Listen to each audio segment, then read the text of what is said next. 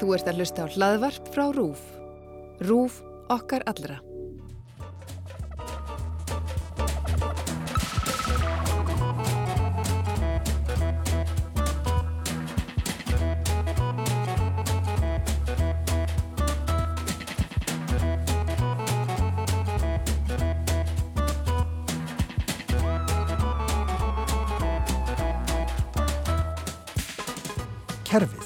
Afnót af auðlind í eigu þjóðar, fjórði og síðasti þáttur, margir miljardar á ári.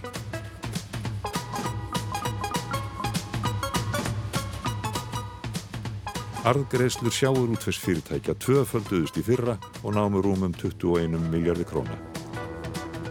Þetta er kerfið.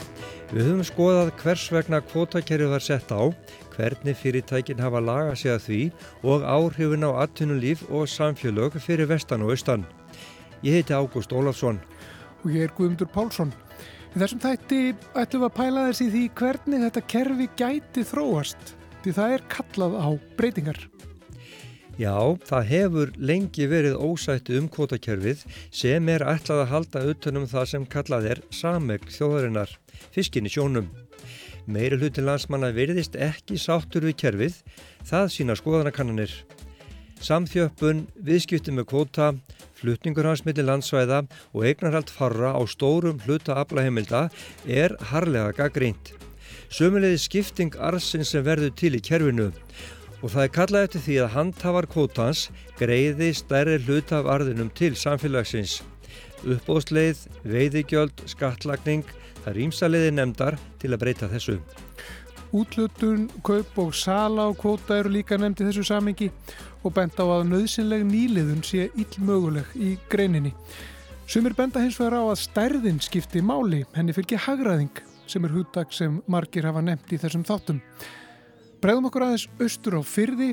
Elvar Óskarsson er stjórnarformaður loðnuvinslunar á Fáskúsfyrði sem var til upp úr síðustu aldamótum þegar rótgróin útgerð, bolfisk og uppsjáarvinnsla var saminnið undir einum hatti. Lónuvinslan er eitt af nöfnónum í, í sjávarútvegsbransanum á Íslandi. Þið segið sjálfur að þið séu frekar litlir í bransanum ef þú miða svona við stærstu fyrirtæki í, í fjárhóttegi. Já, við erum náttúrulega, höfum stækkað svolítið núna á í senastu árin. Við höfum keift óheimi mikið af, af bólfiskvóta. Við, við erum búin að fjárfesta hérna í kvóta fyrir um 12 miljardar. Það var bara nöðsynlegt, bara við vorum eiginlega ekki sjálfbjarga eins og sagt er. Við náðum ekkert að nýta fasta fjármunum minn einum hætti, hvorki skip eða vinslu. Það fælst í starðarhagkvæmninni. Sko. Það verður að vera ákveðin starð til að ná einhverja hagkvæmni út úr resturinnum og við höfum reynd að koma okkur þangað. Það má nefna það að við erum búin að fjárfesta núna á rúmlega 8 árum fyrir 18 miljardar króna í kvótum og, og búnaði. Sko. Það eru miklar upphæðir. Það eru rosalega uppæðir og, og hérna, en þetta er gert í litlum áfengum og, og við erum ennþá á leið og eigum eftir að gera margt í viðbútt til þess að komast þangað sem við sjáum okkur þurfa að fara. Við höfum náttúrulega, eins og nefndi, fyrst og fremst reynd að ná utanum veiðiheimildir til þess að nýta húsi, nýta búnaðin sem við erum að kaupa því að hann er svo dýris og búnaður að þú verður að keira hann áfram og þú verður að hafa vinnu stöðu og líka fyrir fólk. Fólki verður ekki að hafa stöðu að vinnu og það er það sem við höfum reynd að byggja undir með kaupum og kvótanum og svo náttúrulega með þessum tæknilausnum, þessum búnaði nýja eins og í bólfiskvinnslu og, og líka í uppsjóravinnslunni að, létta fólki verkið sem leið náttúrulega fækkar fólki aðeins í vinnunni líka en, það líka léttir rosalega vinnuna fyrir fólk að þurfa ekki að bera og draga hluti heldur og getur búnaður og, róbótar unni meira. Mm. en þetta kostar allt mikla peninga en við eigum mikið eftir enn. Við, við eigum eftir mikið, mikið átaki að koma húsnæði í lag byggja ný húsnæði, húsnæði undir uppsjóravinnslu og annað þó við höfum kipt vinslulínur og það eru náttúrulega eilið verkefni sem býða, svo þarf að skipta út tækjum og tólum fyrir nýtt og það gengur úr sér og, og svona er þetta bara enda laust, það er engin, við sjáum aldrei til enda sko. Eh, það þarf vantarlega mikið kóta á baku þetta alls saman og, og þú lýsið fyrir mér, það er bólfistófari, það er uppsjáarskip, það eru línubátar, hvað er þið mikið kóta? Það er náttúrulega breytilegt ár fyrir ár en ég get nefnt bara kannski tölur síðasta árs en það er ekki kvóti sem við eigum. Við höfum líka svolítið eh, gert út á það að, að skipta kvóta þá ég við það að við höfum nýtt í uppsjávar hérna veiðum. Það er tekið 5,3% af öllum uppsjávarkvóta ríki tekur til hlýðar að þeir eru útluta hérna, kvóta í uppsjávarveiðum. Þá ég meina svo síld, eh, loðnu, makril, kolmunna og þeir setja þetta í skiptipotta sem er þannig inn að þú getur skipt sem sagt á móti með bólfiski, þóskjáðlega og sem er nýttur svo í til dæmis byggðarkóta og strandviðikóta og ímyndlega slíkt skilmir og við höfum náttúrulega vegna þess að uppsjóðskipið okkar, við ráðum ekki yfir stórum kvótum þar sko, þurft að við gera svolítið út af það að ná úr þessum pottum uh, uppsjóðkvóta svo við höfum verkefni fyrir það skip og þar lendir erum við ekki með þannig allan það kóta sem við eh, veitum á síðasta ári en það má nefna það að á síðasta ári veitti ljósafelli 5.400 tonn af þoski og, og, og vísu og ussa og karfa og öðru með afla og bátarnir okkar, línabátarnir Sandfelli var með 2500 tonn og, og Hafrafelli 2100 mm. og Hoffelli var með 40.000 tonn og það er nokkulega stór hluta því er hérna kolmunni sem hann sótti langa, langa vega hluta mm. í Íralarsaf og þar í kring. Og fær ég er. Eh, þessu sem þú saðir, hérna áðan að þetta samfélag hér, þið hugsaðum að vera hér á þessum stað, að samfélagi fá að njóta þess sem að, sem að þið eruð að gera. Hvað veit þið mörgum atvinnum svona á, svona á spasis? Við erum með 150-170 manns í vinnu okkur um tíma. Öðru sem náttúrulega verður ekki til neitt verðmæti, einn verðmæti. Þetta er náttúrulega lánsamir að vera með gott fólk og það hefur verið rosalega góð afkoma hjá okkur sko. Við höfum verið með eh, hagnaður eh, síðustu árin, síðustu átta árin hjá fyrirtækinu hafa verið eitthvað í kringum eftir skatta eh, 9-10 miljardar og fjármunna myndun, það er sem fyrirtæki býr til að fjármunnum á síðustu átta árum hefur verið eitthvað um 14 eh, miljardar. Þannig að afkomin hefur verið rosalega góð, það hefur gengið vel og það fór að ganga uh, mjög vel svona kannski þegar við erum komnir með starri heimildir og, og betri búnað eðlilega en þetta, þetta kostar alveg rosalega mikla peninga en við höfum farið þetta rosalega hægt þessi nefndi. Við erum að fjárfesta í litlum skrefum og eigum eftir að gera margt uh, vonandi af aðstöðu leifa til fremtíðar til þess að bæta úr þar. Mm. Eh, hagnaður upp á marga miljardar hér á hverju ári þetta horfið fólk á og hugsaður er ekki verið moldríkir kallar og konu hér? Nei, nei, hér er ekki leið á neinum sjóðum og, og það er þetta, þetta fyrirkomla kannski hjá okkur öðruvis heldur margt annað við erum alltaf saminu félagið kvæfélagið fáskórufsynninga á 83% í þessu og það er alveg ráðandi og við erum, höfum tekið mjög litla fjármennu út úr reksturinnum í arðgreðslu. Við höfum verið að borga kannski 140 miljónir í arða ári þegar vel gengur og það skiptist þá bara til þeirra sem eru hlutafur í þessu og mest til kaufélagsins og svo hefur fyrirtækið, allt til að nefna það, bæði kaufélagið og lónuvislan á síðustu átta árum. Við höfum veitt 230 miljónum í styrki hér í nærsamfélagið og annað bara til að halda undir og hjálpa til við íþróttastarf og já, heilsugjæslu og, og skólana og, og alls konar hluti sem við höfum sett peninga í til að stýðja við hérna í nærsamfélaginu. Eh, þið veljið að fara þessa leið og, og já, hvernig, hvernig er það metið? Hefði, er einhverju hlutáður hér sem, að, sem að hefði viljað fara bara aðra leiður og setja þetta bara á markað? Kemur til greina til dæmis að, að loðnumvinslan fara á markað þegar meðan þú sittur sem stjórnaformaður?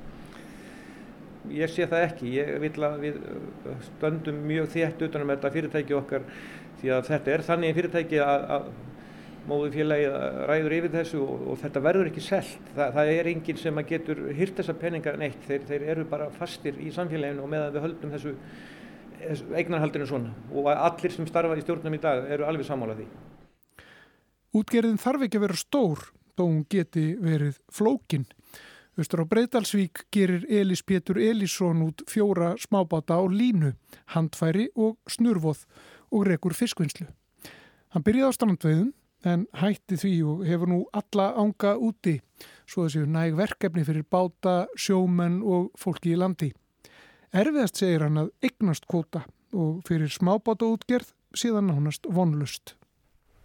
Já, sko við höfum verið að, að veiða uh, svona 1400 tonn ári við erum sérst með sértæka byggðakvota sem er, eru 400 tonn og að því er náttúrulega uh, um 300 tonn þorskur eða 200 eitthvað tonn þorskur og hittir ísa og, og aðra tegundir. Og síðan erum við með almenna byggðakvota sem eru, eru 90 tonn. Og síðan hef ég verið að kaupa kvota eins og efni hafa staðið til. Það er og verið markmiði með þessu þessu sértöku byggakvota útlutun að, að, að útluta þessu til ákveðins tíma. Á þeim tíma eru, eru menn alltaf að vinna ákveðinu markmiðum og, og eitt aðalmarkmið er að það eru svona tvö aðalmarkmið. Það er annars vegar að skapa störf sem hefur gengið vel hjá okkur og hins vegar er að, að eignast nægar aflaheimildir til þess að félagið hafi möguleika á að vera sjálfbært eftir að útlutun á sértækum byggakvota líkur mm. hvað það tekur langan tíma er bara bara eftir hvernig gengur að kaupa aflæðmyndir mm. um, Þetta hljómar mjög flókið fyrir, fyrir leikmanninum og, og hérna þegar maður talar um smábátt útgerð þá svona hugsa maður sem svo, þetta er nú alltaf flókið að fara út á trillunni og henda færum í sjó og, og draga fisk. En þetta er gríðarlega flókin útgerð þó hún sé ekki mjög stór. Já, það er allavega tölvöld flókið að fá hana til að skilja einhvern peningum. Uh, og, það er nú aðalega vegna þess að, að hérna, aflaheimildir og aðgang, aðgengi að aflaheimildum er mjög erfitt bæðið er bara, náttúrulega samþjöfnin búin að vera gríðarlega í greininni alveg sko gríðarleg megni aflaheimilda okkar Íslandika er á forra höndum og breytilegt fiskverð og breytilegt uh, verð á leiðukvota. Við erum að leiða, leiða hérna, kvota hér fyrir gríðarlega fjáraður á hverju ári í vasa náttúrulega einhverja kvota þetta. Mm. Veiðigjöldin sem slík er ekki það sem að mér finnst íþingja, mér finnst bara eðlilegt að við borgum rentu af til þjóðarinnar af, hérna, af nýtingu aflæðheimilda en það er til dæmis þannig að ef þú leiðir 100 tonna þorski þá borgar sá sem veiðir það veiðigjöldin að því en ekki sá sem á kvotan. Hann borgar enga rentu af því en helsta flækjan í þessu er, er svo að, að, að halda uh, aflaheimildum, nægum aflaheimildum yfir allt árið til þess að geta gert út allt árið, haldið fólki í vinnu allt árið og haldið vinslunni gangið allt árið mm. Þú byrjaði þér á strandöðum en þú hættir þar uh, nú hefur talað um að strandeðar séu kannski já, já vel eina leiðin eða eina fáleiðin til þess að varandi nýliðun í, í þessu öllu saman Uh, ég heyrið á þér að, að þér finnst annað hafi gengið betur svona ef þú hugsaður um þig sem nýlegan mann í smápat útgerð og, og nýliðin. Um, já, það er sko, um, strandveðar eru góðar gildar sem slíkar en strandveðar eru frá því í byrjun mæ til loka ágúst ef að aflaheimildir strandveðkerfis stjúast til þess. Uh, síðan er grásleipa og hún er einn, einn og halvu mánuður eitthvað svo leiðis Eh, ef maður ætlar að vera í þessu að mínum að því eh, allt árið þá verður maður að hafa aflaheimildi til þess að, að vera að, að gera út allt árið. Stranduðkerfið hefur bara hleyft lífi í hafnendar við um landið og, og gert ágæta hluti en það eru samt ekkert að fara að skila neinum heilsás rekstrakundvilli eða, eða heilsás atvinnu í sjáarþörpun landsins. Það er þannig. Með tilkomu sérdagsbeðakota sem ég tel að sé gríðarlega góð leið til þess að auka nýliðun og auka uh, atvinnuöryggi í minni sjáarþörfum sem, sem að voru byggð upp á sjáartvegi árum áður þá held ég að, hérna, að sértæka byggjarkvotakerfið sé bara gríðarlega vel til þess fallið við höfum nýtt okkur þær heimildir sem þar eru og leikt gríðarlega mikið heimildum til okkar til þess einfallega að halda úti vinslu og, og útgerð allt árið. Þannig að þar sér þú kannski einna bestu tækverðin í, í, í þessum sértaka kvóta sem að, sem að þú getur fengið með því að, með að sína nýtingun á honum og atvinnusköpununa heima. Já, ég, mér finnst þetta kerfi víða, ég þekki nú til víða um land í þessu, þessu kerfi þessu sértaka byggakvótakerfi mér finnst almenna byggakvótakerfi vera bara algjörlega batsins tíma, mér finnst það glata kerfi. Mm. en, en uh, sértæka byggðarkvotakerfi þar leggja menn bara fram ákveðin, ákveðin markmið og ákveðin, ákveðina leikreglur við byggðarstofnum sem menn ætla að fara eftir. Byggðarstofnum fylgir síðan með því að leikreglum þar sem sé fyllt og séu samningarnir vel unnir í byrjun þá eiga þeir að geta skilað í fyrsta lagi rekstrargjöndvelli fiskvinnslu og útgerðar allt árið og í öðru lagi eh, ef að menn standa sér vel í reksturinnum þá ættu þeir að geta skilað afgangi til þess að styrkja kvótastöðu útgerðanar og fiskvinnslunar og byggðalagsins þá í, í samanskapi á nokkrum árum. Ég sé þú ert að kíkja í gemsaðin og aðtöða hvar bátarnir eru núna, Já, já. þeir, þeir eru flest allir á sjó skilsmér og, og hérna hvernig hefur gengið núna í, í vettur og, og, og svona framöndu þetta? Það er bara gengið ágætlega. Mm. Við höfum svo sem gert ímislegt í fiskvinnslunni sérstaklega til þess að, að hérna, bæta, við erum með smábátaútgerð, línuútgerð á, á veturnar og þá eru náttúrulega ekki eftir geta verið misjafnar. Mm. Við höfum farið í alls konar svona auka vinslu til dæmis á harfiski sem að hérna, gerir það verkum að, að það er auðveldara fyrir okkur að, að, hérna, að halda upp í starfsemi í fiskvinnslunni, stöðveri, nýta vinnuaflið sem við höfum þar. E, veiðarnar hafa gengið mjög vel og það er ekki það flókna í, í, hérna, í rekstri á eins og mínu batteri að, að, að gera út báta það, er, það eru aflæðhennar og, og hérna, aðgengi að þeim sem eru, eru hvað eru veðastur Ertu komin í þann bátafjöldu sem að þú ætlar að vera í eða ertu alltaf að bæta við? Já, ég ætla alltaf að klárlega að bæta það með aflæðheimildum og, og hérna, já, já, ég ætla að bæta við mig á öllum sviðum í því það er potjett mér vantar svo sem alveg klárlega ekki fleiri báta en mér vantar aflæðheimildir Mm. og ég ætla að bæta við mig þar Ég heyrið á þér að, að þú trúir á þetta og þetta er, er verður framtíðin hér meðal annars. Já, ef ég hef ekki, ykkur að trúa þeim að vera að gera eitthvað að viti og segja ykkur að framtíðis þá væri ég ekki að þessu. Það er endalust tækifæri á Ísland til að gera allan fjandan bara ef mann, ef mann langar að gera það, þá bara gerir maður það. Mm. Eh, mér langar að gera þetta og, og þetta gengur ágætlega. Eh, þetta, er, þetta er frekar erfiður bransi en hann er alveg skemmtilegur. Mm. Það, er, það er þannig. Elis Pétur Elisson á Brutarsvík, takk fyrir spjallið. Takk sem leiðis. Það eru margar hliðar á sjárutveinum og áhrifuna kerfinu sem búið hefur verið til í kringum hann eru alls konar. Sum góð, önnur slæm eins og við höfum heyrt. Við ætlum næst vestur á Ísafjörð þar sem ungur myndlistamaður hefur sótt innblástur í umhverfi sitt sem er mjög mótað af sjárutvegi. Já, ég heiti Gunnar Jónsson og er myndlistamæður og alin upp hérna á Ísafjörði og þá verður þetta svona partur af manns eigin sjálfi og ég tók tölvert þetta inn sko. Útskriftaverkið mitt og listaháskólan var til dæmis uh, gamall bátur sem að sildi ring á opna hafi og myndaði svona teiknaði hálfgerðan ring á sjóin sem var svona bara útlýtslega sér fallett verk og svo var einmitt núna hefur verið svolítið til fyllunar verk sem gerði sem heitir Flagskip sem að fjallar í raun og veru um söguna um gugguna eða sagt Guðbjörgu IS 46 þá var ég að skoða þess ákveðin sko fortja þrá sem er svona alltaf í blætistengt hérna sjáarútveginum og fiskiðinaðinum eins og hann var sko.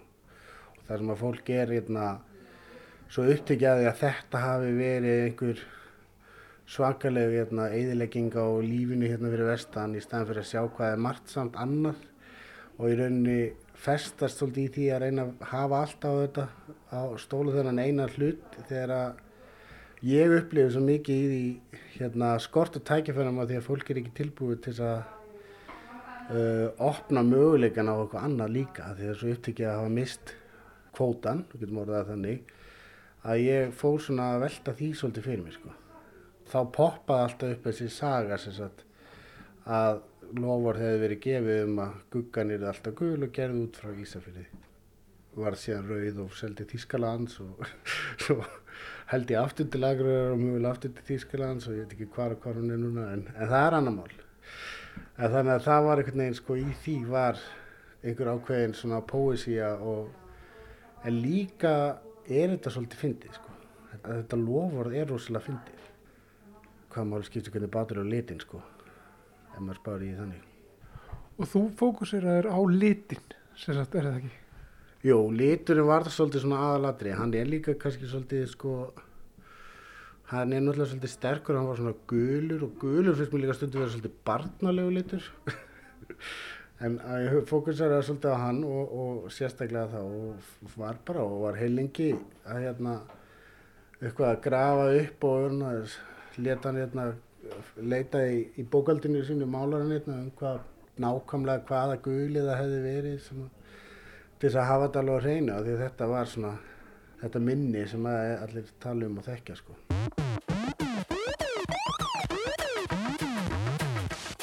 Hluti breytast bara með hækkuð mentunastíð í samfélagi og svoleiðis og þá hérna er allt einu minna aðlægandi fyrir alla að vera í fisk og vera á verbúð og vera í þannig og þá breytist skilur þá hvernig við horfum á hlutina og það er vissulega er að gerast hér eins og annar staðar og eða líka skilur við held ég bara að upplefa særindin sem fylgdu þessu. Þú veist að missa einhvern veginn fætunar undan sér eða þannig að það situr svo í fólki sem að maður skilur alveg og og hérna þá þarf að vera einhver sem að maður er full út í til þess að beina sinni gremju að. Og eins og ég sem að var tíu ára eitthvað þegar þetta gerist ég, skilur, ég tengdi ekki þetta við þetta neitt þá en maður einhvern veginn þekkti samt þessa sögu sko, hún var einhvern veginn bara aftan í nakkanum á hann að manni að guggan er alltaf gul sko maður er alltaf að tala um kvótgerður sem meittlaði stein en það er nú ekki eins og það sé ekki hægt að breyta því sko. Þannig að það er vissulega eitthvað sem þarf að endur skoða og ég held að sé á miklu leiti allir sammála um að kerfi sjálft megi endur skoða. En það sem er náttúrulega aftur á móti að það er rosalega erfitt að vera búin að koma einhverju til fólks og taka það síðan að þeim aftur. Bara eins og ef maður einhvern veginn ákveður að gefa einhverjum geði flotta peysu og svo langar mann sjálfum í peysuna þú ert einhvern veginn ekkert endilega að taka hálfa peysuna tilbaka skilur, af því það voru mistök. Þetta er náttúrulega bara það sem að bærin snerist um þangar til 1999 eða eitthvað skilur, að einhver leiti ég ekkert endilega að segja að það þurfa að koma aftur í, í sömu mynd. Eða þá yfir huga ég myndi einhvern tíman, þú veist, ég vann einu sinni við að slæja það var bara, þú veist, hræðilegt sko. Og ég enda að tala kannski einum og oft um hvað ég vann við að slæja þessar þrjár vaktir sem ég tók eitthvað. Þannig ég vann ekki byggt við en hérna það skilur ég vil ekkert endilega gera en hérna en einhverju vilja og þá er náttúrulega er það um að gera hér er stutt að fara að veða fisk segja þér, ég hef nú aldrei gert það Nei, Gunnar hefur aldrei farið á sjó þótt hann þurfi ekki að fara langt svo sem. En þú, Ágúst, hefur þú verið til sjórs? Já, reyndar. Ég er á trilli hjá Karli Föðuminnum á tánisárunum og svo var ég á línu og nettavertið á Hortnafyrði kringum 1980 og þetta var allt saman skemmtilegt nema fjandan sjóvikinn og ég var eiginlega alltaf sjóvikur. En þú, hefur þú verið á sjó? Já, ég fekk að fara á nokkra túra með rannsóknarskipum hérna fyrir mörgum árum síðan áður en ég smitaðist af fjölmiðlabakteríunni og það var frábær reynsla og góðar minningar eh, sem tengjast í nema náttúrulega eins og þú segir sjóvíkin. Það er stóri mínusinn uh, við það að vera sjó. Hún er óskemtileg og, og, og margir sjóman sem að hérna kvartu við því. Já. En þú talaði meira við Smára Geirsson í Nesköpstað sem við heyrðum í fyrr í þessum þáttum. Já, það passar. Ég spurði smára nefnilega út í hugmyndir um að breyta kerfinu, til dæmis með því að bjóða upp aflaheimildir. Heyrum hvað hann sagði. Ég held nú að flestir sem að hugsa málinn, eins og til dæmis hérna fyrir austan, þar sem að fyrirtæki eru tiltalega sterk, þá myndu þau alveg þóla slíkt.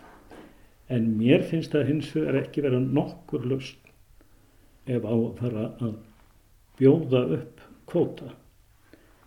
Og mér finnst það vera svo skrítið að sumir jafnvel sem að hvart undan því að kvóti hefði sapnast á og fáar hendur að þeir eru jafnframt fylgjandi því að kvóti sé settur og uppóð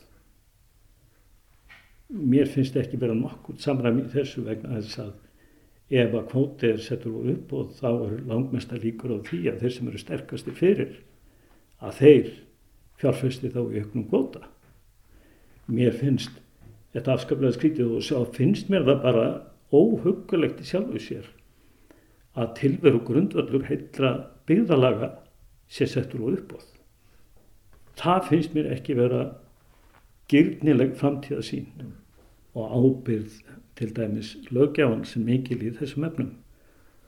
Ég held að sé mjög skinsamlegt að flan ekki að neinu.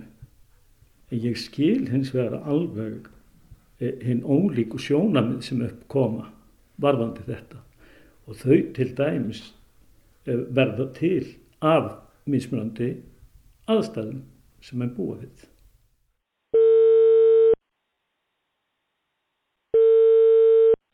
Já, sælarna Guðmundur Pálsson hérna á sitt. Já, sæl. Sælblöði. Heyrðu, mér var bent á að það væri gott að tala við þig ef maður vildi vita sko hvernig maður á að kaupa kvóta, hvernig maður fer að því. Getur þú sagt mig frá því? Já, ég get auðvitað eitthvað aðstofið. Ertu með bát? Áttu bát og hvernig bát áttu? Þetta er Erna Jónsdóttir, hún er sviðstjóri hjá Fiskistofu.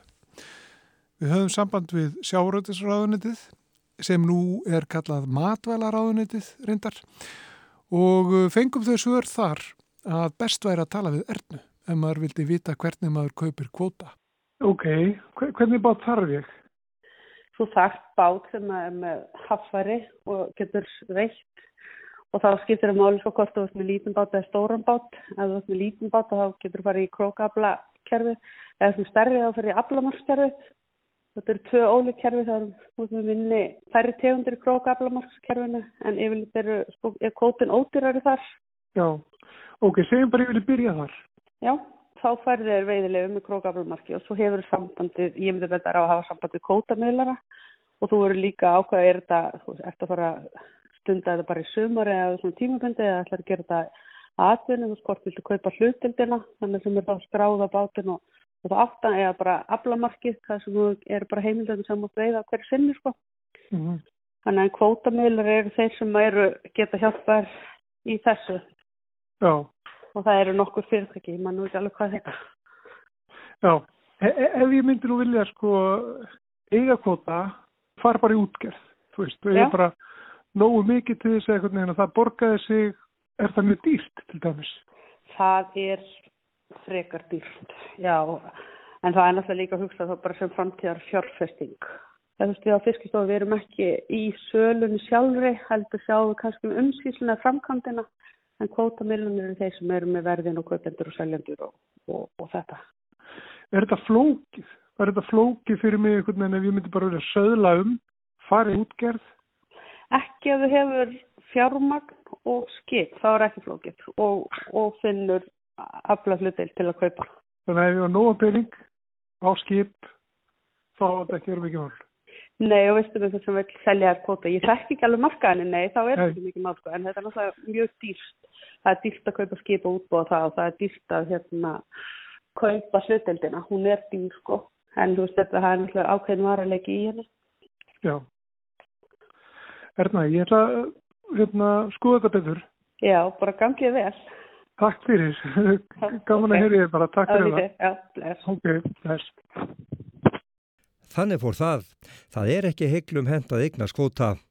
En umræðu um kvótakerfið og breytingar á því kemur reglulega upp í þjóðmála umræðu landans. Og hvað finnst þeim sem vinna við að halda út í sjáarútvegi hinnum dreifðu byggðum landsins um hana? Elvar Óskarsson verði fyrir svörum. Umræðu náttúrulega er frekar neikvæð, sko. Það, það, er ekki, það er bara þannig hverjum um, að kenna það er náttúrulega spurning sko.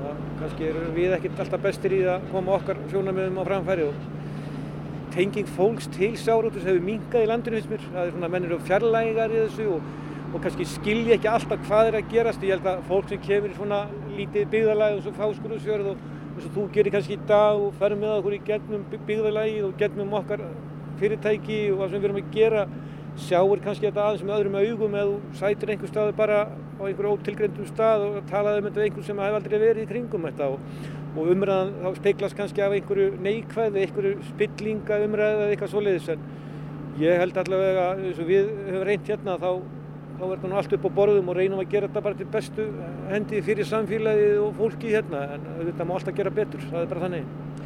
Hvernig hljómaður fyrir þér svona breytingar sem við erum að tala um núna að bara deila, deila kvótakerfinu allar landsmenn og bara bjóða þetta allt saman upp og, og, og leysa þetta upp. Hvernig hljómar það fyrir stjórnaforman Lónuvillunar? vera við erum búin að fjárfesta fyrir alla þessa peninga í kvótum skuldum og hluta til kvótan eins og margir aðri náttúrulega í landinu við, við, við höfum keift þetta af öðrum auðvitað er súrt að við sætum uppi með að þurfa að borga af kvótunum sem við keiftum en er tekin tilbaka af okkur og þetta þarf að harmonera saman að sem sagt við erum að ná Ísland náttúrulega með bestu eða hvað, hvað bestu nýtingu á sjáraöðlindinni og hún er að skila hvað bestu í heldina þetta er þessi virðiskeiði, þessi framleiðsla, veiðar, framleiðsla og sala að geta bóðið þetta svona og að skamta þetta réttin á markaðina og á þá markið, markaði sem borgar bestu hverjum tíma. Og það reynum við að gera, reynum að hámarka það sem við fáum og ég veit ekki hvort það næðist endilega ef allt er sprengt í loftu upp og farið að setja þetta út um allt sko, ég, ég veit það ekki og, og, og, og til dæmis skipuleika veiðar og skipuleika vinslu ef, ef þú veist ekki hvað þú hefur, það er rosalega erfitt því að ég meina uppsjáarskip sem mann er að byggja í dag kosta einhverja 6,5 miljard króna nýtt skip og þú þarf að hafa einhverja framtíð og bólfistóri kannski 2-3 miljardar þú getur ekkert gert þetta nema að setja nokkur örugur af því að þú getur svona að einhverju leiti stýrst í sem þú ert að gera veiðum eða hafa aðgang að einhverju, að, að kótanum umræðan þarf að spekla þetta allt. Þú getur, ef þú átt kóta þú þú eigir, eigir bát og kóta og ég meina þú þarfst ekki að veða um að bróta á hann og þú getur leikta frá þér og, og farið svo bara til Sólanda. Það má alveg öruglega snýða einhverja vankanta kótakerfinu og, og, og þetta þarf að vera einhver sveigaleiki innan kerfisins til þess að aðlæga sig að tegundum, það er þannig en, en, en ég er kannski ekki talsmaður mikill að hérna leigu kvóta, við höfum náttúrulega alltaf reynd að nýta þann kvóta sem við höfum fengið og kannski speglast aðeins það sem ég er að segja út frá því hvað við erum að hugsa og hvað við erum að gera. Mér finnst nú eiginlega, og við höfum alltaf horfað á hérna kvótu sem við fáum, þann notu við. Og þið vinnum með kvótakjörði eins og þér og ég heyri það á þér að þið treystið á það áfram og það er óbyrlendi trú á framtíðinu hér. Ég hef trú bara á því já, þetta stendur svolítið og fellur þessi, þessi bæjarkjölu standa svolítið og fallaði með þessum fyrirtækjum sem eru í sjárútt, bæði hérna og fleiri og ég hef bara byllandi trú á framtíðinni. Ég held að við hefum að geta gert góða hluti hérna ef umhverfið er þokkalegt. Þannig var hljóðið í elvari á fásgrúsfyrði en skjótumst núna tæplega 500 km leið í beitni línu þvert yfir landið til Bólungarvíkur og heyrum hljóðið í Þorsteini Másinni, framkvæmdastjóra Bláma. Ég held að við ættum í staðin fyrir að kannski vilja einhvern veginn breyta kerfinu í einhver svona grundvallaratri þetta er svona kannski mín skoðan þá ættum við miklu frekar að segja ok, það er einhver auðlindar renta þarna, það er eitthvað að myndast einhver, einhver, hérna, einhver arður af þessum veiðum og við, að, við viljum að, að fá stærri hluta honum útgerðan vilja stærri hluta honum og þetta, ég held að það sé bara heilbrygt að það sé alltaf díalóg, að það sé alltaf svona e, núningur eigandi auðlindar sem eru við viljum meira útgerðin að segja við þurfum að taka starri kött að við þurfum að fjárfesta og í R&D og allt svona. Og það sé líka bara helbrikt en í, í persónlega er ég ekki hrifin að hugmyndum um einhvern veginn að kollarpa kerfinu og, og segja bara við maður að dæla einhverjum kvóta einhvert og, og, og fjölga störfum í gegnum þá kannski óhægraði miklu frekka bara hugsa þetta bara eins og hvað var að segja þetta við, við ætlum að, að sjáurðan okkar á að vera arbær og við ætlum að taka sangjart kött af, af hérna gróðanum. Og hvernig er það núna? Ég, myndi bara, nú tala ég bara sem sko íbúið á Íslandi, ég bara, við viljum meira, skilur, og það er bara eðlert. Ég, ég vil bara meira, ég vil frá meira úr, hérna, uh, ég vil frá meira frá landsvirkjum, ég vil meira á sjáurðunum, sem, sem þetta er bara mín hagsmur, skiljið, bara uh, útgerðarmenn, öfursæti útgerðarmenn hérna með okkar, myndi segja, nei, ég þarf þessa peninga og ég þarf að fá til að fjárfæst í stærri skipum til að auka arðsefnina meira, þá var þú meira svoleiðis. Við eigum að taka þetta debatt og mér finnst við ekki eiga að setja þetta upp einhvern veginn að þjóðin á móti útgerðin eða eitthvað svoleiðis. Heldur er þetta bara tveir hagsmuna aðlar, það er einhver kaka, við viljum að hún sé sem stæst og svo bara vill ég fá stóran bita af henni. Þannig að uh, ég, ég veist, myndi vilja sjá auðlindarentun að renna meira og þá ofta bara mínir hagsmunir og minna, minna fjölskyldu og, og samborgara hér á vesturum. Mér finnst við til dæmis ættum að fá stærra hluta af auðlindagjaldunum til okkar og við hefum ekki í raun og verið að koma eh, einhvern veginn svolítið svona hnjánundi ríkisvaldsin sem segja megum við fá, heldur bara við eigum að fá. Þannig að það er líka debatt því við erum náttúrulega með auðlindagjald og, og já, ég vil bara við hérna sem búum hérna eigum að fá meira af því sko. Sko ég er reyndar með svona hérna, örglega ekki kannski einhverju ósamála þessu en svona mín drauma sín á, á Íslenska sjáuröldvið, kannski þá er ég að hugsa um börnin mín og barnabörnin, er að eitt af markmiðum okkar á að finnst mér eiga að vera, við getum sagt bara eftir tíu ár, þá viljum við að tíu stærstu sjáartsfyrirtæki á Íslandi verði uh, í kaupallinni og eftir 20 ár viljum við að 20 stærstu verði í kaupallinni og ef að 20 stærstu er í kaupallinni eftir 20 ár þá er mjög líklegt með þróuna að þá verður allar aflaheimildur á Íslandi í kaupallinni og þá verður lífeyrisjóðandi sem eita og það getur bara og við erum með allt, allt upp á borðum og slíkt. Og það finnst mér vera að svona uh, hérna mér finnst það persónulega falleg svona sín Eh, þá erum við með stóru stöndu fyrirtæki, skilja hagnaði, búið til vermætt störf, er í, er í rannsóknum og þróun og, og alls konar svoleiðis. Þau eru líka í eigu lífyrsjónu sem við eigum og þau eru eigu bara fagfjárfesta að hinga á þangað. Sko, fiskurinn er saman þjóðarnar og ég, mér finnst það alveg vera alveg skýrt og, hérna, og við eigum þetta saman, þetta er auðlindin okkar, uh, alveg svo bara við eigum, við eigum landsvirkinn saman til dæmi.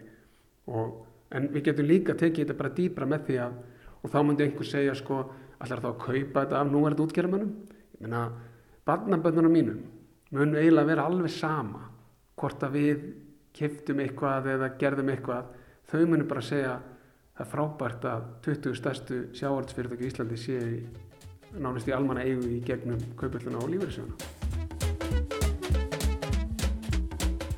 Óðin Gesson, framkvæmdastjóri Íslandsugu á Suðureyri, spár því að áfram munni fyrirtækjum í sjávarútvegi fækka og þau stækka. Þú búin að nota þetta hugtak hagræðing svolítið oft.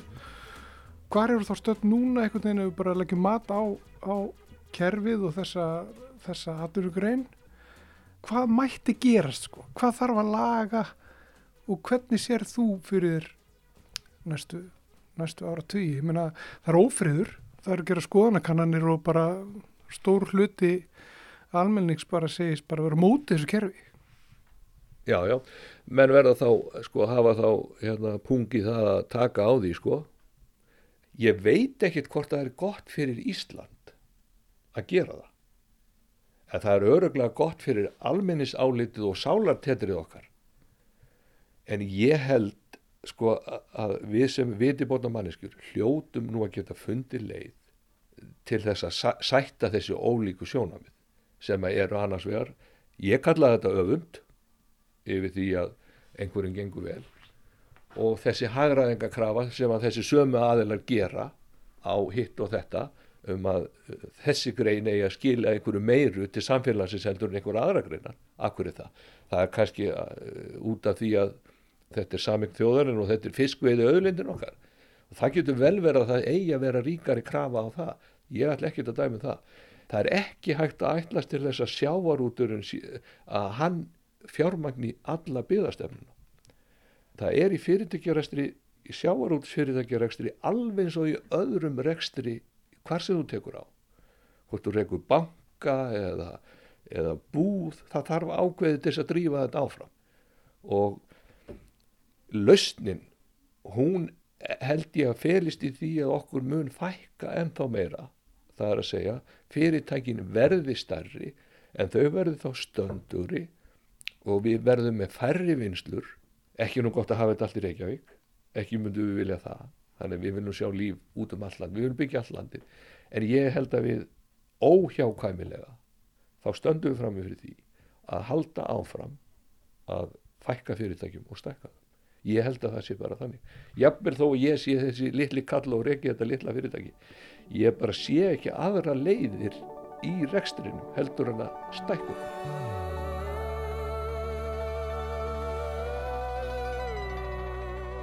Það er Óðinn Gestsson sem á loka orðin í kerfinu þáttum um íslenska kvotakerfið Ákaflega umdelt kerfi sem smíða var á nýjönda áratugnum utanum nýtingu á fiskveðuðlundinni sem mörgum finnst að sé í of farahöndum en öðrum ekki. Við höfum talað við alls konar fólk víða um land og reynt að draga upp mynd af þessu kerfi. Forsögunni, markmiðum, framtíð og áhrifum á samfélög, atunulíf og nýtingu á fiskinum í sjónum. Og við gætum í sjálf sér haldi lengi áfram því umfyllunarefnin um kvótakerfið eru eiginlega endalus og koma inn á alls konar þætti okkar góða samfélags. En hérna endum við og vonum að þið hlustendu góði séu einhverju nær. Ég heiti Ágúst Ólafsson og ég heiti Guðmundur Pálsson. Guðni Tómasson sá um framleiðslu þáttana. Takk fyrir að hlusta.